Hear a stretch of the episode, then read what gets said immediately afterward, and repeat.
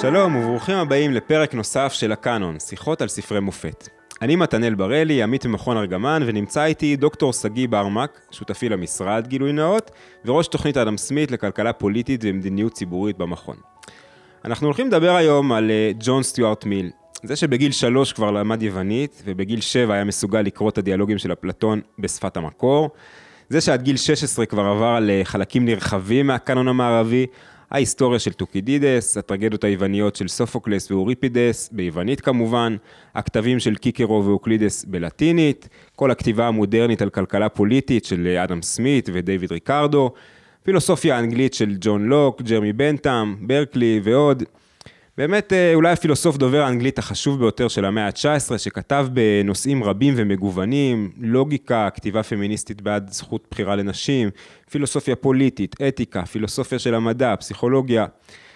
וברור שמאחורי אה, אה, פילוסוף שעבר חינוך קפדני ונמרץ שכזה, עומד מן הסתם איזשהו הורה דגול שמציף אה, רף גבוה מאוד לילד שלו.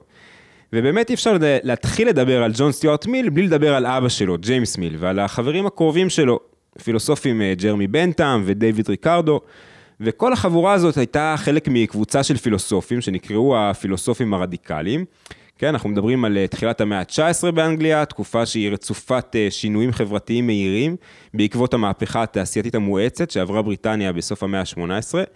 ושגיא, אולי באמת נתחיל בזה שתספר לנו קצת על התקופה ועל הדמויות האלו שהזכרתי אותן. שלום מתנאל, היי. שלום למאזינים, איזה כיף להיות פה בפודקאסט. אמ, יאללה, מיל ופילוסופים רדיקליים. אז, אז באמת, אמ, אנגליה של אותה תקופה, אמ, ארץ שעוברת שינויים כבירים, אה, לא פחות, אה, בעיקר בתחום הכלכלי, כלומר אנחנו נמצאים אה, ממש בשיא של המהפכה, המהפכה התעשייתית. כלומר, כל ה... נקרא לזה הבסיס החברתי-כלכלי האנגלי עובר מבסיס שהוא אה, חקלאי, אה, כפרי, אל עבר בסיס שהוא עירוני ותעשייתי. לשינוי הכלכלי אה, והחברתי הזה יש מקבילה, וזה באמת השינוי הפוליטי, כלומר עם קריאות הולכות וגדלות להרחבת הדמוקרטיזציה האנגלית, כלומר מעבר משיטה אה, נקרא לזה אה, אריסטוקרטית, כן? אל עבר אה, באמת ממשל שמבוסס על הסכמה עממית נרחבת. אז באמת מה שמאפיין את אותה קבוצה של פילוסופים רדיקליים, ספציפית ג'יימס מיל, כמובן ג'רמי בנטאם, דיוויד ריקרדו, הכלכלן הקלאסי, ואחרים, מה שמאפיין אותם, אז קודם כל, דרישה לדמוקרטיזציה כמה שיותר נרחבת וזכות הצבעה שווה אה, נקרא לזה להמוני העם, מצד אחד. מצד שני, מה שכמובן מאפיין אותם זה המרכזיות והחשיבות של עיקרון התועלת, והרצון אה, להציב אה, מסגרת פוליטית ומסגרת כלכלית על אותו עיקרון אחד, כן, שאם אם, אם, אם, אם ננסח אותו בקצרה, כן, זה the greatest good for the greatest number, הטוב המרבי לכמות המרבית, וכמובן... שזה עיקרון, עיקרון אתי, כלומר, כן. כן, כן, כלומר, אה, תפקיד הממשל, תפקיד השלטון, תפקיד החוק, תפקיד הסדר הכלכלי, אה, תפקיד למעשה כל המסגרות האנושיות, כן, זה לאפשר את מירב, הטוב למרב האנשים. עוד לפני כן, כקריטריון מוסרי, פעולה מוסרית נבחנת על פי השאלה כן. כמה טוב, כמה עונג היא מביאה לכמה מספר של אנשים. בדיוק, כלומר, אה, טוב, אנחנו יכולים פה להיכנס לשאלה בדיוק מהי תועלת, האם תועלת היא עונג, ומהו עונג, ואיך אפשר אה, לעמוד על זה, ולמיל עצמו, כן, יש הרבה מה להגיד על, אה, על בנטם ועל אבא שלו, אז, אז באמת, אז, אז קודם כל זו, זו תפיסה מאוד מאוד רדיקלית, כן? היא שונה, אז זה הביטוי הפילוסופי, יש את הביטוי הפוליטי שכבר ציינו, הקבוצה הזאת מתאפיינת בתמיכה מאוד מאוד בולטת בסחר חופשי. בסדר? וחלק מהמאמצים שלה יוליכו למשל לביטולם של חוקי הדגן מאוחר יותר. במקרה של בנטם, של בנטם זה הולך ביחד עם דרישה לריכוזיות פוליטית ולשים מאחורה דברים שקשה להצדיק אותם אה, בצורה רציונלית, כמו למשל החוק המקובל האנגלי, זה ניסיון לעבור לשיטה, נקרא לזה, אה, משפטית אפילו שונה. כלומר, בעצם הוא הציע רפורמה משפטית מאוד מקיפה בחוק האנגלי. בדיוק, בחוק האנגלי. אה, זהו, זה, זה למעשה הרקע, נקרא לזה, הפילוסופיה המאתגר של, של אותם אנשים. כן, וזה נראה שבאמת את כל הציפיות והתקוות אה, שג'יימס מיל אה, בנה ביחס לעתיד של אנגליה, הוא ניקז אל תוך, ה, אל תוך החינוך המאוד אקדמי ושכלתני של, אה, של הבן שלו, שבאמת כמעט ולא שיחק עם בני גילו, אומרים שהוא היה חסר מיומנויות חברתיות, כמעט לא היו שם חופשות, שלא יופרע הרגל העבודה ותתפתח לו נטייה לבטלנות וכל מיני דברים מהסוג הזה. ובאופן אולי לא מפתיע, באמת מיל חווה איזשהו משבר אישי. נפשי בסביבות גיל ה-20, שמאוד מאוד השפיע עליו גם מבחינה פסיכולוגית, אבל גם אחרי זה אה, מבחינה אינטלקטואלית, שבאמת הוא, בעקבות המשבר הזה, שהוא תלה בחינוך הקפדני שהוא עבר, ובפן המאוד מאוד רציונלי ואינטלקטואלי, שהיה חסר איזשהו איזון אה, אה, רגשי יותר, אז באמת הוא הגיע לאיזשהו מפגש עמוק עם, ה, עם הרומנטיקה הגרמנית והאנגלית בת אותה תקופה, והוא באמת ככה נתן בעקבות זאת משקל יותר, יותר גדול למקום הרגשי ולמקום החווייתי ב, בהסתכלות שלו על העולם, וזה איזשהו מתח שאחרי זה אנחנו, אני חושב שנראה גם בספר עצמו, על החירות, איזשהו מתח שמלווה את מיל מאז בעצם לכל אורך ההמשך של ההתפתחות האינטלקטואלית שלו. אה, נכון, אני מסכים, כלומר, אין ספק שאבא שלו היה דמות מאוד מאוד משמעותית בחיים שלו. אה, לאחר אבא שלו הוא הושפע הרבה מאוד מאשתו. הרי טיילור. כן. ואין שום ספק שמיל מצד אחד ספג המון מאבא שלו, כלומר אי אפשר להבין את מיל בלי באמת ההשפעה של אה, הפילוסופיה והדוקטרינה של אבא שלו, זה מצד אחד, וגם של בנטם. אבל מצד שני, כמו שציינת, אה, הייתה פה איזושהי הגזמה, היינו קוראים לזה היום, ובאמת אה, מיל מצא נחמה וגם השלמה לדברים שהוא האמין בהם, באמת אצל הרומנטיקה. אה, אבל חשוב להגיד שזה, שזה הרומנטיקה כפי שהיא תורגמה להקשר האנגלי, נניח, אז mm-hmm. דמויות כמו... אה, קולרידג'. בדיוק, כמו קולרידג' ואחרים, ובאמת, אז, אז יש איזושהי מורכבות. יש, יש פה שאלה מעניינת באמת, האם אנחנו צריכים להסתכל על זה כסוג של השלמה, כן? Mm-hmm. כלומר, מי להשלים את הצד ואת ההיבט התועלתני שלו עם ההיבט הרומנטי, mm-hmm.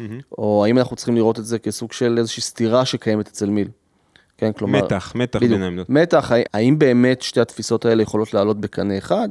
מה שבטוח הוא, כן, שמיל נורא נורא עידן, הרחיב ושכלל את התפיסה התועלתנית אה, הנורא נורא גסה. הטכנוקרטית אפילו. הטכנוקרטית אפילו, כפי שהיא מופיעה אצל בנטם. כן. כן. אז באמת אני חושב שאולי בהמשך נראה, נראה איזשהו, אה, אה, נציב ככה את, ה, את הזרקור על, אה, על נקודה אחת שבה המתח הזה בין הרומנטיקה לתפיסה התועלתנית אה, בא לידי ביטוי בספר, אז תזכרו את זה ככה, קחו את זה איתכם להמשך. ואולי באמת אה, נעבור עכשיו לדבר על הספר ש, שלשמו התכנסנו כאן, אה, אה, ספר שנקרא על החירות. אז קודם כל אולי כדאי לציין שזה ספר שמיל עצמו החשיב בתור העבודה הכי טובה וחשובה שלו. ובאמת זה ספר שמסוג הספרים שקצת חורג מהתחום היצירה של הוגה ספציפי, ואפשר באמת לראות אותו כסוג של מניפסט של אה, מחשבה ליברלית. וכשאני אומר את זה אני מתכוון לכמה מובנים, כלומר, גם מבחינת זה שזה ספר שכתוב בצורה מאוד מאוד בהירה, מובנית, עם איזושהי עוצמה רטורית וכוח שכנוע גדול. גם במובן הזה שזה ספר שהשפיע מאוד על החשיבה הליברלית אחרי מיל ונתן את אותותיו במסורת הליברלית. וגם באיזשהו מובן אחר של איזשהו אה, אולי מדד מעניין לזה שספר מסוים נחשב לספר קנוני, וזה שמיל מנסח פה מחשבות שלפחות חלק מהן נחשבות היום במובן מסוים למובנות מאליהן, כלומר, אני מניח שחלק מה, מה, מהמאזינים שיפתחו את הספר ויקראו את, ה, את הפרק על חופש הביטוי, שניגע בו עוד מעט, אולי הוא ייראה להם במובן מסוים מאוד מאוד טריוויאלי. גרטולד הימלפרב, היא הייתה היסטוריונית אה, יהודית אמריקאית, היא כתבה ספר על מיל, ובספר הזה היא, היא מכנה את הספר על החירות כאחד ממקדשי המילים של המודרנה, ככה היא קוראת להם, כן? זה ספר שנותן סמכות ולגיטימציה לרעיונות ולעמדות המקובלים בחברה שלנו. כלומר, באמת יש פה איזשהו ניסוח של משהו שהיום יראה לנו מאוד מאוד אינטואיטיבי וככה מצדיק את ההנחות מאוד מאוד מקובלות. והזכרת מקודם את אשתו, הרי טיילור, באמת את הספר הזה הוא, הוא מקדיש לאשתו, שההשפעה שלה על מיל הייתה עצומה באופן כללי. גם בכל מה שקשור לקידום אה, זכות בחירה לנשים, אבל גם ספציפית ביחס לספר הזה, אה, מיל מתאר ש, אה, שהרית הייתה שותפה מלאה שלו בחשיבה על הספר, בניסוח של הרעיונות האלה, שבסופו של דבר היא נפטרה לפני שהספר יצא לאור, ואת הספר הוא בעצם בוחר להקדיש לה, הוא קורא לו מזכרת האהבה למי שהייתה מקור ההשראה, וחלקית גם המחברת של כל המיטב ביצירתי, כל מה שכתבתי שנים רבות, שלה הוא לא פחות מאשר שלי, כן? אז באמת הספר הזה הוא מוקדש ל... אה, לאשתו. וכבר במבוא מיל מנסח בצורה מאוד מאוד ישירה את המטרה של הספר הזה. הוא כותב, המטרה של מסע זו היא לקבוע עיקרון אחד פשוט מאוד, שיהיה זכאי למשול באופן מוחלט במגעיה של החברה עם היחיד בדרך הכפייה והפיקוח. כלומר, מיל מבקש לנסח עיקרון אחד פשוט מאוד, שיגדיר מה יכולה החברה לכפות על היחיד ומה היא לא יכולה. ומיד הוא גם נותן את התשובה, שזו תשובה שהוא בעצם מפתח לאורך כל הספר, אבל שוב, בתמציתיות, במשפט אחד הוא אומר, המטרה היחידה שלמענה מותר לבריות להגביל את חופש הפעולה של מי מתוכם, כלומר, מה מצדיק הגבלת חירות? ההגנה העצמית. התכלית היחידה שלשמה מותר להשתמש בכוח כפייה כלפי אה, אה, מישהו שנמצא בחברה, היא רק מניעת נזק לאחרים. אז שגיא, אני אולי אה, רוצה לשאול אותך, למה בעצם מיל נדרש לנסח עיקרון אחד פשוט מאוד חדש. הרי הרעיון של החירות הוא רעיון לא חדש במחשבה המערבית בכלל, בטח בתקופה המודרנית, ובכל זאת מיל אומר שמשהו פה השתנה, ומיל היה מאוד מודע לשינויים ההיסטוריים שהתקופה שלו אה, אה, הביאה בכנפיה, והוא מזהה שהתקופה שבה הוא חי היא שונה באופן מהותי מכל מה שקדם לה, ומצריך אותו לנסח עיקרון חירות חדש. אז מה בעצם השתנה שדורש ממיל כעת להגדיר מחדש את החירות?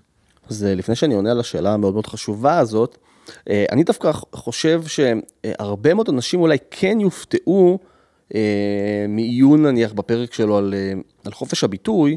הם לאו דווקא יופתעו מזה שמיל מגלה לנו, כן, אה, שחופש הביטוי הוא נורא נורא חשוב, כן, ולמה צריך לאפשר סבלנות גם... לדעות מנוגדות. בדיוק, ולמה זה חשוב, גם אם הדעה היא נורא נורא שגויה, אנחנו יודעים שהיא שגויה, למה בכל זאת חשוב לאפשר לה להתבטא, אני לא חושב שמזה הם יופתעו. אבל אם שנייה, תחשוב שנייה על קבוצות של אנשים שחושבות שסבסוד מדינתי נניח, אה, הוא תנאי הכרחי לחופש ביטוי, אני חושב, אני חושב שדווקא הם מאוד מאוד יופתעו אם הם יקראו את מיל. כי מיל מדבר בזכות, בסוף, חירות שלילית, במובן של צריך לאפשר לאנשים להתבטא.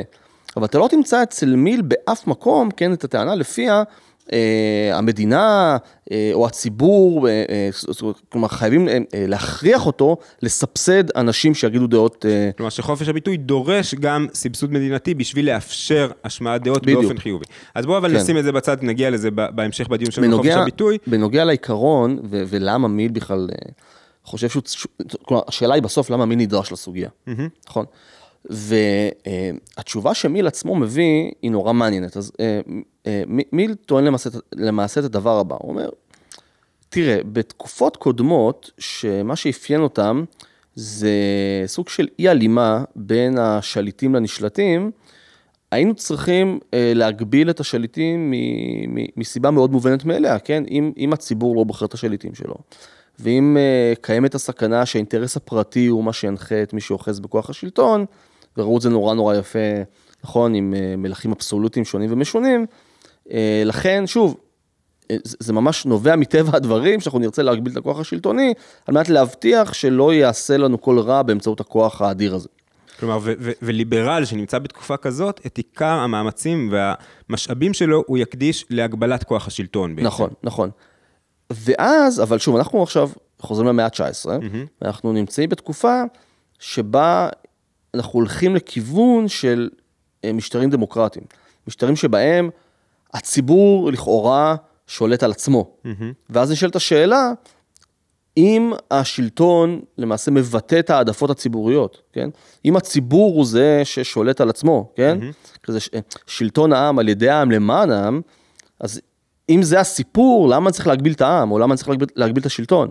האם ייתכן בכלל דיכוי, כן, במציאות שהיא דמוקרטית? ואני חושב שהרבה מאוד, מאוד אנשים יטענו אולי שלא, כן? שכל עוד השלטון הוא נבחר, אין באמת סכנה לחופש היחיד. וכאן מיל, ואני חושב שהרבה מאוד ליברלים ברוח של מיל יבואו ויגידו, לא ולא, עדיין יש לנו סכנה לחופש, גם אם אנחנו שולטים על עצמנו. במילים אחרות, אנחנו כן צריכים לראות איך אנחנו מגבילים, לצורך העניין, לא רק את המיעוט הלא נבחר, אלא גם את הרוב הנבחר, מלפגוע באינדיבידואליות של היחיד. והרוב יכול לעשות את זה באחת משתי צורות. הוא יכול כמובן אה, לחוקק חוקים שידכאו את המיעוט, כן? זה כאילו סוג של עריצות הרוב אה, במובן... פר אקסלנס. בדיוק. אבל מיל וגם אלכסיס דה טוקוויל, שכתב את הדמוקרטיה באמריקה, ש, שמיל מזכיר, ומיל כמובן הושפע ממנו רבות, הוא הצביע על סוג נוסף של עריצות הרוב, וזה סוג של קונפורמיזם דכאני. כלומר, יצירת אווירה או סביבה עוינת לכל ביטוי של חדשנות, לכל ביטוי של חריגה מהסטטוס קוו. של ייחודיות. של ייחודיות, של שונות. אם תחשוב על זה, שום דבר בשלטון הרוב לא מבטיח לך שפלורליזם יהיה ערך אה, חיובי. Mm-hmm. אנחנו יכולים, יכולים אה, לקיים חברה שבה דווקא כל מה שחורג מהתבנית המוסכמת עלינו, הוא משהו שאנחנו נלחמים בו, מגנים אותו, מדכ... אה, מדכאים אותו לאו דווקא באלימות, אלא, אתה יודע, שוללים אה, דברים שאולי בסיטואציות אה, אחרות כן היינו מביאים, ובסוף יצירת אווירה שהיחיד לא רוצה, כן, לבטא את מה של... יכול להיות שהוא מאוד מאוד ייחודי בו, ומשהו שהוא שונה. כן. יותר מזה, אני חושב שנניח, טוקוויל טוען, שבמובן מסוים, עריצות הרוב הזאת, היא יותר דכנית, היא יותר קשה מאשר נכון. עריצות פוליטית. כי עריצות פוליטית, יש מולך איזשהו אה, אה, שליט, שגם אם הוא בפועל שולט עליך, יכול, יכול להתפתח לך הרבה אה, רגשות טינה כלפיו, והוא מאוד מזוהה, כן? עומד שם אדם אחד או קבוצת אנשים, אבל שאתה יכול שגם אם בפועל אתה, אתה כפוף להם, אתה יכול לפתח אה, התנגדות פנימית אליהם, אבל הוא אומר, דעת הקהל יש בה משהו הרבה הרבה הרבה יותר כופה, הרבה יותר נעלם, כן? אתה לא רואה אותה מגולמת באיש אחד שניים, אלא זה משהו שנוכח אה, אה, ב-common sense, ב, ב, בדברים שמגדירים את גבולות החשיבה, את מה, מה נחשב ומה מה נחשב מותר, מה נחשב ראוי, והיכולת וה, לעמוד ולהתנגד לאותה דעת הקהל, לאותה עריצות רוב במובן הזה של קונפורמיזם מחשבתי, אומר טוקוויל, היא דורשת הרבה יותר משאבים נפשיים, הרבה יותר תעצומות נפש, לעמוד, לזהות קודם כל את אותן השפעות חברתיות, ולהצליח גם להתמודד איתן, לפתח מחשבה חופשית, ביקורתית כלפי הנורמות המקובלות וכולי. נכון, טוקוויל למעשה אומר שבמציאות כזאת של עריצות רוב, אין לך לאיפה לברוח. כן, כלומר, אין לך איפה לזכות בנחמה, באהדה, כלומר, אין לך שום אה, מרחב בטוח מלבד נניח הבית הפרטי שלך. אה, ולעומת זאת, כאשר יש אה, שליט שהוא אכזר ורע ומרושע, אז אה, בני עמך, גם אם לא כולם, לפחות חלקם הגדול, הם איתך שם ביחד, כן? כן? אז יש לכם כזה אחד את השני, אבל אם אתה באמת רוצה לכפור במה שהן, נקרא לזה פרות, פרות קדושות, mm-hmm. באמת הטינה והאיבה שאתה תזכה לה מההמון תהיה מאוד מאוד חזקה, ואם ננסח את זה היום, זאת אומרת, אני חושב שמה שגם טוקוויב וגם מיל עמדו עליו, זה שתרבות משנה. בסדר? כלומר, שהשאלה היא, אני אוהב לעשות את ההבחנה הזאת. השאלה מיהו הריבון היא שאלה נורא נורא חשובה בפילוסופיה פוליטית, ואנחנו יכולים אה, להתווכח האם הריבון הוא היחיד, המעטים או הרבים, ובתקופה של אה, טוקוויל, של טוקוויל ומיל, אז הסחף הולך לכיוון של הריבון צריך להיות הרבים, אבל אחרי שענינו על השאלה הזאת, יש את השאלה, אוקיי, איזו תרבות הרוב מאמץ, כלומר האם הוא מאמץ באמת אה, אה, תרבות שהיא נורא נורא קונפורמיסטית ושעלולה להיות דכנית, או האם הוא מאמץ תרבות שהיא ליברלית ומעלה את האינדיבידואליזם ואת הפלורליזם על נס, כאל משהו שראוי לטפח אותו. כן, אז באמת בהקשר הזה אני חושב שגם טוקוויל וגם מיל היו ערים לאיזשהו, אה, לאיזושהי השפעה תרבותית של תהליך של דמוקרטיזציה. כלומר, כשיש דמוקרטיזציה, זה בעצם המשמעות של זה, זה שוויון חברתי. כן? כלומר, בעוד שאנחנו מדברים על תרבות אריסטוקרטית, כן? שבה יש איזושהי שכבה חברתית שהיא גם היררכית יותר, אבל גם שם נעשה ייצור התרבות, שם האומנות, שם המחשבה נעשית, המסחר קורה שם. ובעצם תהליך של דמוקרטיזציה מוביל לזה ליצירת תרבות המונים, כן? בעצם כולנו מתלבשים אותו דבר. כולם הולכים עם ג'ינס. כולם הולכים עם ג'ינס, בדיוק. ואחת ההשפעות, במובן הזה, השליליות שטוקוויל ו- ומיל מזהים בדבר הזה, זה שבעצם כשנוצרת תרבות המונים, אז אותם, אה, אותה היררכיה שבעצם שימרה איזושהי ייחודיות, כן? שימרה את היכולת של אנשים מסוימים להתפנות לעשייה תרבותית, להתפנות לאומנות, להתפנות לדברים כאלה, בעצם מתמוססת אל איזושהי חברת המונים שכולם בעצם מצד אחד זוכים לשוויון, אבל מצד שני כולם חושבים אותו דבר, כולם נראים אותו דבר, ובעצם הייחודיות שהאריסטוקרטיה בעבר הביאה, מתמוססת אל תוך חברת ההמונים. אני חושב שגם טוקוויל וגם מיל נורא התקשרו אה, להיפטר כליל מההיבט האריסטוקרטי. אה, בין אם זה אינטלקטואלי או בין אם זה במקרה של טוקוויל המעמדי שלהם. כן, שטוק, שטוקוויל, רק נזכיר, הוא עצמו נולד כאריסטוקרט, נכון, כלומר נולד נכון, למעמד נכון. גבוה יותר. נכון, וזה גם מראה לך עד כמה נניח הטענות בדבר הוולגריות וה... אתה יודע, כל הצדדים הבהמיים לכאורה בתרבות ההמונים, עד כמה רחוק הן הולכות ועד כמה באמת המקור שלהם הוא אריסטוקרטי, ואני אפילו הייתי מרחיק לכת ואומר שהוא, שהוא, פטר, שהוא פטרנליסטי. ואני גם, גם חושב ששניהם בסופו של דבר טעו. כי אם תחשוב על זה, אנחנו חיים ב- בתרבות המונים, ואין ספק שיש אה, סוג של אחידות דעים בחלק מהדברים. ועם זאת, תחשוב איזה שפע תרבותי, אומנותי ואחר, ומוזיקלי, יש לך באותה חברת המונים אה, שיש היום. שוב, אני לא בטוח שמיל היה, היה שמח על האח הגדול, כן? זה לא מה שאני טוען. אבל אני כן אומר שגיא, ש, שלמרות שיש לנו את אותה תרבות המונים, עדיין כל אחד יכול למצוא באותו אה, אותו שוק נרחב את אותה נישה שיכולה לפנות אל הצדדים היותר אה, נעלים שבנפש שלו. זה נכון, אבל אני חושב שגם מיל וגם טוקוויל היו מתעקשים על ההבחנה בין תרבות גבוהה לתרבות נמוכה. היה חשוב להם לשמר היררכיה בין צורות חיים שונות ובין צורות תרבות נכון. שונות, וגם אם אתה צודק שכל אחד היום יכול למצוא את הנישה שלו, לא בטוח שהם היו שבעי רצון מהיעלמותה אולי של אותה תרבות גבוהה ש, אה, שהם היו... אבל בכל מקרה, אם אני חוזר לשאלה שבה פתחנו, אולי אני אנסח את זה, אנסח את זה בצורה הבאה, תגיד לי, שגיא, אם אתה מסכים עם זה, שבעצם... מה שמוביל את מיל, אה, אה, אה, המוטיבציה שלו לנסח את, את עיקרון, עיקרון אחד פשוט, או את הספר הזה על החירות, זה בעצם הבנה שלא מספיק חירות, לא מספיקה חירות פוליטית, כן, שחירות פוליטית במובן הזה זה השחרור מעריצות של שליט מסוים, אלא דרושה גם חירות פנימית מסוימת, כן, ו, ואולי אפילו אפשר לומר שזה, ש, שהשאלה היא על החירות של מי אנחנו מבקשים להגן, את החירות של מי אנחנו מבקשים לבצר, האם את החירות של העם, של הנשלטים כלפי הש, השול, השליטים, או את החירות של היחיד כלפי החברה שבה הוא נמצא.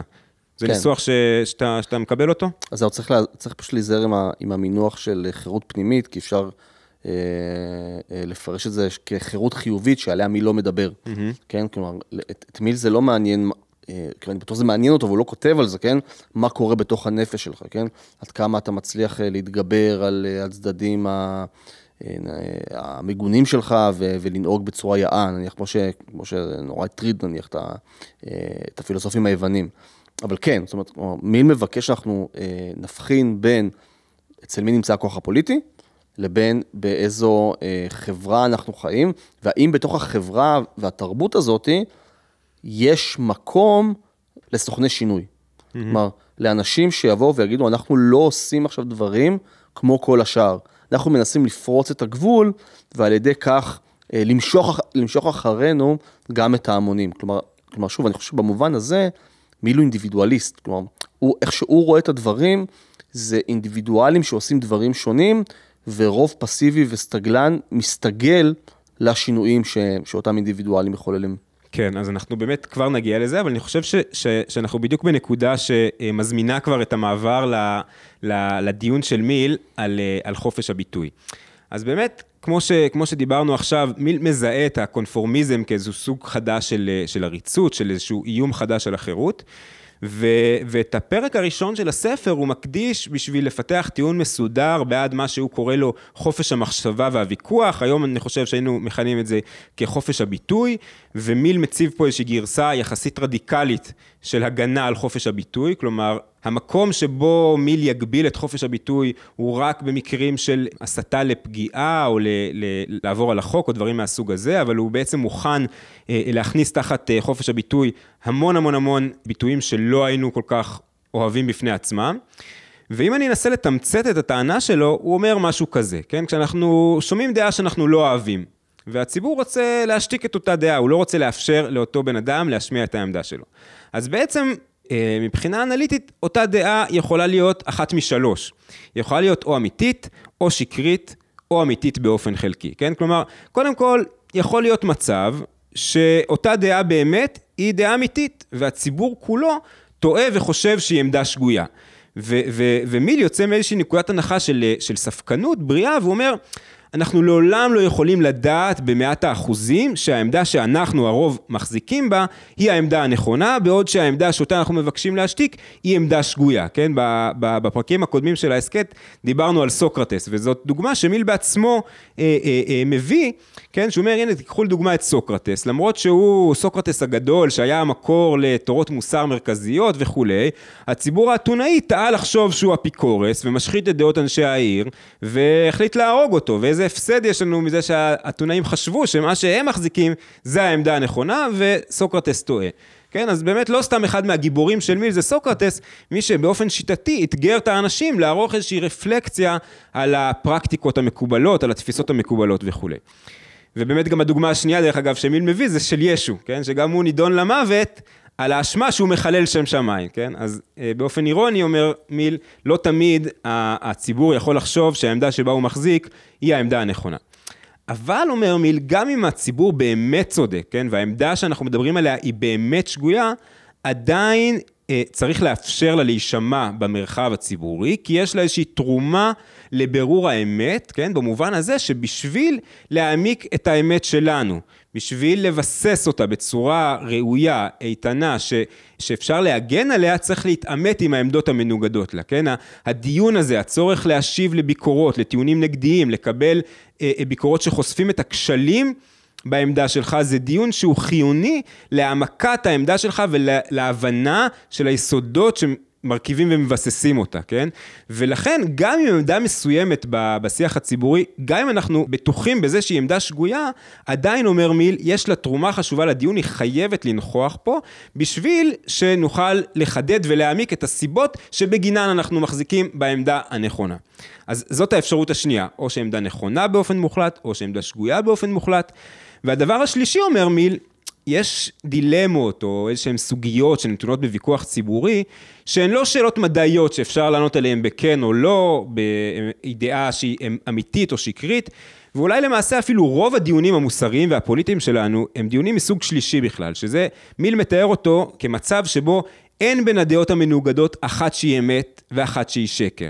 אלא הן מתחלקות ביניהן באמת, כן? יש בכל עמדה, יש איזשהו היבט של אמת, של, של אמת שטמון בה, ולכן יש חשיבות גדולה להשמעה ציבורית של אותה עמדה, בשביל לחשוף את חלק האמת שיש באותה עמדה, גם אם בסך הכולל אותה עמדה שגויה, אבל עדיין יש בה איזושהי נקודת אמת ש, שחשוב להביא.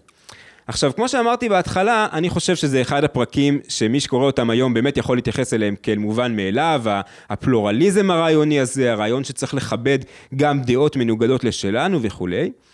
אבל מצד שני, וזה מה שבעצם הייתי רוצה לשאול אותך, שגיא, יש היום הרבה דיבור על זה שאנחנו חיים באיזשהו עידן חדש מנקודת המבט של חופש הביטוי והחירות להשמיע עמדות בדיון הציבורי, כן, וזה מה שנקרא אה, עידן של fake אה, news. אומרים, היום אנחנו חיים בעידן של רשתות חברתיות, של רשתות חברתיות, יש ביזוריות מאוד גדולה של הידע, יש איזושהי התפרקות של העיתונות הממוסדת, ויש תופעות של שימוש מסיבי ב fake news, שמכוון ומאורגן על ידי גורמים חיצוניים, בשביל, לדוגמה, להשפיע על תוצאות של בחירות במדינה מסוימת, אה, לעורר שינויים דרמטיים בדעת הקהל, בצורה מאוד מאורגנת ומכוונת, בשביל לקדם אינטרסים מסחריים, אידיאולוגיים, פוליטיים ואפילו אה, דיפלומטיים בינלאומיים.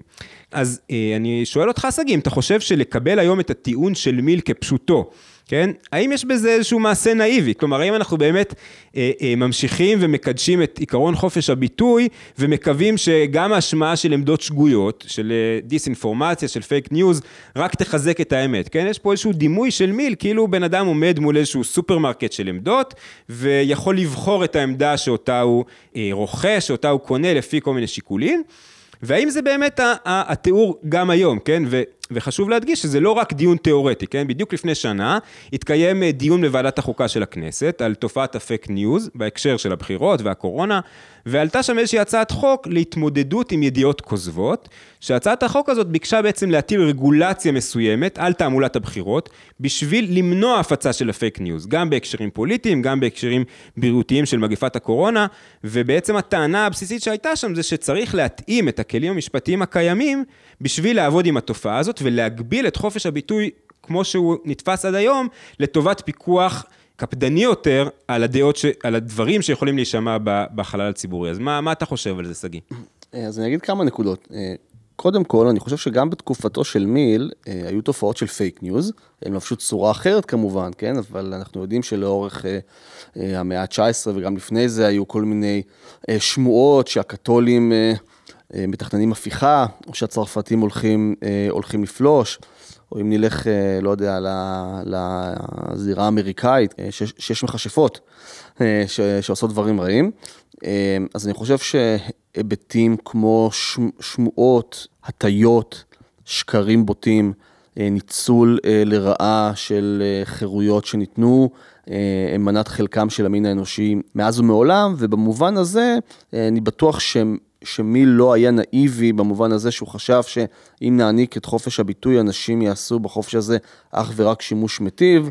אה, אז אני חושב שגם מיל עצמו היה קודם כל אומר ש, אה, שאני ער לכך שאפשר לעשות אה, שימוש לרעה בחירויות שלנו. זה מצד אחד, אבל אם שנייה באמת נגיע לעידן שלנו ולעידן של רשתות חברתיות. כי בסופו של דבר הטכנולוגיה והקלות- כן נותנת כן, כלים וה- הרבה יותר נכון, רחבי היקף. נכון, נכון. ולכן, השאלה שאנחנו צריכים לשאול את עצמנו היא כמובן אה, אה, השאלה הטריוויאלית של בהשוואה למה. כלומר, fake news בהשוואה למה, אה, אז אם ההשוואה היא השוואה למצב אידיאלי שבו יש מלך פילוסוף שמושל בנו, שא' אנחנו יכולים לסמוך עליו שהוא תמיד יפעל למען האינטרס הציבורי, ושהוא יודע מהו האינטרס הציבורי, ושהוא יודע להבחין בין דעות שגויות לבין דעות שהן לא שגויות. כלומר, אם היינו יכולים להיות סמוכים ובטוחים בכך שאנחנו יכולים להעניק את ה, באמת את הסמכות החסרת תקדים הזאת, כן, להיות רגולטור על, אה, אה, על האמת לאיזשהו גוף אחד, שגם לא יילכד על ידי, אה, אה, לא יודע, גופים אינטרסנטיים אה, כאלה ואחרים, אז אני חושב שה... אה, הטיעון בזכות פיקוח על חופש הביטוי היה הרבה יותר חזק. כמובן שבעולם הממשי אין, אין שום אה, גוף או שחקן שכזה, ולכן בפועל יש לנו סוג של אה, שני ברירות מורכבות. מצד אחד, באמת לקיים שוק חופשי בדעות, מתוך הידיעה שלא כל מי שאומר משהו בהכרח אומר, אומר משהו נכון. לבין באמת להעניק הרבה, הרבה מאוד כוח לגופים שהם לאו דווקא יודעים לברור את האמת מן השקר, והם לאו, והם לאו דווקא הולכים לקדם את האינטרס הציבורי, אלא הם הולכים לקדם לפעמים את האג'נדות ואת האידיאולוגיות הפרטיות שלהם, או אידיאולוגיות ואג'נדות של, שלא כולם מחזיקים בהם.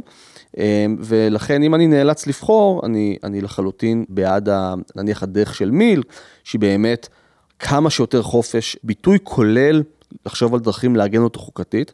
אני כן אוסיף משהו, אנחנו צריכים אה, באמת לחשוב על פתרונות, פתרונות יצירתיים, במובן הזה שיש פה בחירה כוזבת, כן, בין אה, אנרכיה של מילים לבין אה, שוק, שוק מפוקח, מפוקח ו- ורגולציה של הציבור. Mm-hmm. אני חושב שכבר עכשיו יש לך ברשת הרבה מאוד אה, עמותות וגופים שצוברים וצברו מוניטין ומיצבו את עצמם כאוטוריטה, כן, בתחום שלהם של ידע, ולכן הרבה מאוד יוזמות פר- פרטיות, כן, יכולות לשמש כסוג של מתווכים, כן, מתווכי ידע. אה, אז נניח אם אני אה, צרכן, או אם אני אזרח ואני רוצה באמת אה, לרכוש ידע שהוא יותר אמין, אני יכול ללכת אליהם כסוג של תחנת ביניים, ושם באמת לקבל מידע שהוא יותר, שהוא יותר מוצק. כמו כן? למשל האתר מדרג, שמדרג בעלי מקצוע ואת למשל, מידת האמינות, המקצועיות או שלהם. יש את העמותה מדעת, כן, שעשו, שעושים עבודה מאוד מאוד טובה להילחם בכל מיני פייקים של הכחשת קורונה וכל מיני כאלה, כן, כלומר באמת מביאים לך את מה שהמחקר האחרון אומר, וככה אתה... אתה, אתה יודע שאתה, שאתה, שאתה, שאתה, שאתה צריך לסמוך על אשרת קוטלר. נכון, למרות שכאילו, שוב, אחד השינויים ש, שלא הזכרנו, אבל לצד השינויים הטכנולוגיים, יש גם איזושהי שחיקה באמון של אנשים במקורות ידע, במקורות סמכות, כן?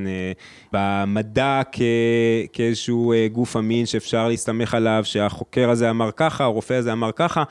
יש שחיקה בכלל באמון בסמכויות, ולכן, אם ניקח דוגמה, שוב, את, את הסיפור בסדר. של הקורונה, שזה נגיד, זה היה כאילו, זה, זה היה איזה קשר מאוד מאוד מיידי של הסיפור הזה, הטענה הייתה שהציבור מתקשה להתמודד עם הקורונה, בין היתר, בגלל אותו שוק חופשי של דעות, שמאפשר לכל דוקטור להציג את עצמו כאפידמולוג מומחה, ולפקפק ביעילות של החיסונים, או ביעילות של הצעדים שה, שהממשלה מטילה, ובעצם, מקשה על היכולת של הציבור כציבור להתמודד עם אירוע שדורש התגייסות ציבורית. לא, אז תראה, מצד אחד יש לך שחיקה מוצדקת למדי, כן, אה, באמון של אה, אנשים שהחזיקו במונופול על הידע. אז אם נחזור אחורה, אז, אז תראה, אני, אני לא בטוח שמישהו רוצה לחזור אה, לתקופה שבה הדרך היחידה לצרוך את החדשות שלך זה מחיים יבין בשמונה בערב. בסדר? אז יש, את אז יש את חיים יבין, ומה שהוא אומר זה החדשות. זה היה מאוד מגבש מבחינה משפחתית אגב, כן. כן, לשבת כולנו מול לא, מבט, מעולה. תשע בערב. מעולה, כן, אבל uh, אנחנו יודעים היום שמציאות שכזאת היא מציאות שהיא נורא נורא בעייתית, כן? כי לא כל, מה ש... לא כל מה שמועבר לך הוא בהכרח האמת, כן? ואפשר לבקר את זה, ויש לך עוד נקודות מבט. ולכן, שוב, אם אנחנו רוצים לחזור ל... ל... ל... זאת אומרת, אני, אני לא חושב שה... שגם אם יש בעיה אמיתית, הפתרון לא יכול להיות, כן, בהחזרת המונופול על הביטוי, כן, או על האמת, או על הידע.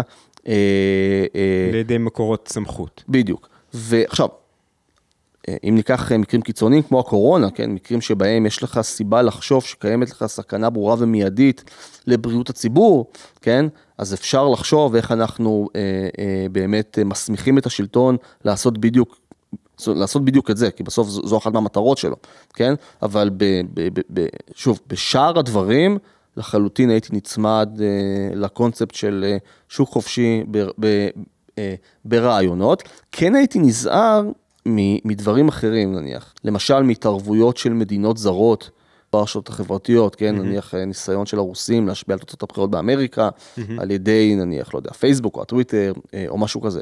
זה לחלוטין עניין של אה, ביטחון לאומי. ונקרא לזה, זה סוג- של אה, אה, לרמות את כללי המשחק. כן. אבל באופן עקרוני השלטון לא צריך להיות מסוגל להשתיק את אף אדם, גם אם הוא מדבר הבלים ושטויות. עכשיו, אני כן רוצה לשאול, שגיא, קצת, קצת יותר לעומק, האם אתה מקבל, וקצת קצת רמזתי לזה קודם, אבל אני, אני רוצה לשאול את זה בצורה מפורשת, האם אתה מקבל את, אה, את תמונת האדם שבעצם מיל נשען עליה, כן? כלומר, תמונת האדם במובן הזה שעומד פה איזשהו אה, יצור רציונלי, שבוחן חלופות של עמדות, של טענות, בצורה שקולה, בצורה של אה, הפעלת שיקול דעת רציונלי, שומע טיעונים לכאן ולכאן, משתכנע מחוזקת הטיעונים ומחולשתם, ואני חושב שזאת עמ- זאת עמדה ש, שהרבה אנשים היום יראו אותה כעמדה נאיבית, בטח עם כל ההתפתחות של אה, אה, תחומי ידע כמו כלכלה התנהגותית והדברים האלה שכאילו בעצם מלמדים על, על bias והטיות מאוד עמוקות ש, שקיימות בנו, בין אם ממניעים פסיכולוגיים, בין ממניעים התנהגותיים, אה, כל מיני רוסטיקות ייצוג וכדומה, ש, שבעצם הטענה היא שלהמשיך להחזיק באותה, באותו ציור, כאילו האדם באמת עומד טבולה ראסה, משוחרר מהטיות וממניפולציות שמופעלות עליו, ובוחר מתוך איזשהו שיקול דעת רציונלי את העמדה שנראית לו כעונה בצורה הטובה ביותר לאיזשהו קריטריון לוגי או רציונלי של, של הפעלת שיקול דעת, היא עמדה שנראית קצת נאיבית, והאם אתה מוכן להגן על, על התיאור הזה? אז תראה, אני, אני, אני לא חושב שמיל מחזיק בעמדה הזאת, ואני אסביר למה. הרי הטיעון בזכות אה, שוק חופשי בדעות, נקרא לזה ככה, אני אגיד את זה אחרת, אנחנו צריכים שוק חופשי בדעות בדיוק בגלל שאנשים הם לאו דווקא רציונליים. אם אנשים רציונליים, ב-100%, והם תמיד יודעים אה, מה נכון ומה לא נכון, אז אה, למה אנחנו צריכים בכלל, אה, למה אנחנו צריכים בכלל תחרות בין דעות? אנחנו צריכים לאפשר לדעות כן. השגויות להישמע מהטעמים שאמרנו. שוב, אבל אם אתה, רציונל, אם אתה רציונלי ב-100%, למה שתשגה? כלומר, אם אתה רציונלי ב-100%, אתה תחזיק בדעות שלך כסוג של השערות שניתנות להפרחה, כן, ואתה תלך למקורות סמכות, ואתה תקרא, כלומר, אז אני חושב שדווקא אם כולנו רציונליים ב-100%, כן, כולל מיל עצמו, אז דווקא הנימוק והצורך במכניזם שמנפה טעויות ובורר, ו, ו, ובורר אותם ומעניש אותך על שגיאות, דווקא הולך ופוחת. אנחנו צריכים את התחרות הזאת בין דעות, דווקא בגלל שאנחנו לאו דווקא רציונליים. עכשיו, אני, אני כן אוסיף פה עוד נקודה, אה, ושוב, מי לא כותב את זה, אבל אני כן חושב שהוא רומז לזה, או אפשר למצוא אצלו, בטח בכתבים האחרים שלו, אה, הרבה מאוד ביטויים לכך, כן, למשל בחלק מהכתבים האחרים שלו, הוא כותב על אה, מתי נכון להגביל, נניח את הבחירה הצרכנית, כן, mm-hmm. כלומר, איפה הרציונליות, איפה הרציונליות של הצרכן היא לא מלאה, איפה יש פערי מידע כאלה או אחרים שאנחנו צריכים, צריכים כן להתערב, אני כן אגיד אבל שרציונליות לא נמדדת בחלל ריק. והשאלה שאנחנו צריכים לשאול את עצמנו היא מתי זה משת... מתי, מתי משתלם לנו לנהוג ברציונליות, ומתי ובאיזה הקשרים אנחנו לא משלמים אף מחיר על לנהוג בצורה לא רציונלית. לצורך העניין, כשאתה הולך לקנות, לקנות דירה, אתה תנהג בצורה רציונלית, כן? במובן, במובן הזה שאתה, אתה יודע, תשווה בין חלופות, תחשוב עשר פעמים, תנקוט באמצעי זהירות לפני שאתה מוציא נניח סכום מאוד מאוד גדול של כסף, מסיבה מאוד מאוד מאוד פשוטה, כן? שאתה, שהעלות שלא לנהוג באופן הזה, המחיר של הטעות. המחיר הוא מאוד מאוד גבוה. מצד שני, אני אקח את הטוויטר או את הפייסבוק, סתם לכתוב משהו מעצבן, כן, או, או אפילו להפיץ fake news, למרות שאתה יודע שזה fake news, המחיר שאתה משלם עליו הוא אפסי, הוא אפס, נכון? ולכן, אוקיי, אולי עדיף לי לעשות את זה אם התועלת שאני מקבל נניח מחוג החברים שלי, קבוצת הייחוס שלי, כן, אה, אה, עולה על הדבר הזה. כן, אבל מבחינה חברתית יכול להיות שהמחיר של fake news גבוה יותר מאשר נכון. המחיר ש... נכון, אה, מבחינה חברתית, כן. מבחינה חברתית. כן. ולכן אני אומר ש, ש... אבל אם אנחנו מסתכלים שנייה על הפרט עצמו, כן, אנחנו צריכים להכיר בכך שאנחנו לא תמיד נוהגים ברציונליות, שזה היה מאוד מאוד יקר לנהוג כל הזמן ברציונליות, כלומר זה היה מצריך מאיתנו המון המון משאבים ברמה הפרטית, כן, כל הזמן לנהוג כלומר, ברציונליות. גם ההתנהגות ברציונלית, אתה בעצם מתייחס אליה כאיזשהו משאב שנמצא במחסור, שצריך כן. להכווין אותו וזה- למקומות שבהם התועלת שלו תהיה גבוהה נכון, ביותר. נכון, נכון. אני חושב שזה אחת מהתובנות ומההבנות שלנו, כן? לזה שאנחנו, אנחנו פשוט לא יכולים כל הזמן לנהוג בצורה רציונלית, ולכן אנחנו צריכים באמת, במרכאות, להקצות את הרציונליות שלה, כן? לאיפה שזה באמת משתלם לנו, מיטיב איתנו בצורה המלאה ביותר. אה, עכשיו, העלית פה אבל נקודה אחרת שהיא חשובה לא פחות, זה, וזה באמת איזה אדם, איזה סוג של אדם מיל מצייר לנו. וזה נכון לא רק לגבי מיל, זה נכון לגבי כל תפיסה תועלתנית, כלומר, יש, אה, יש מעין אה, חיבור בעיניי לא מוצדק בין, זה בעיקר מגיע מהמבקרים, כן? בין תועלתנות מצד אחד לבין תמונה מאוד מאוד שטחית ובהמית כמעט, כן, של האדם. ואני חושב, חושב שדווקא מיל הוא יוצא דופן פה, כי מה שמיל מצביע עליו זה שיש לנו איכויות שונות לתועלות שונות, ומיל היה הראשון אה, לבוא ולטעון, נניח ש...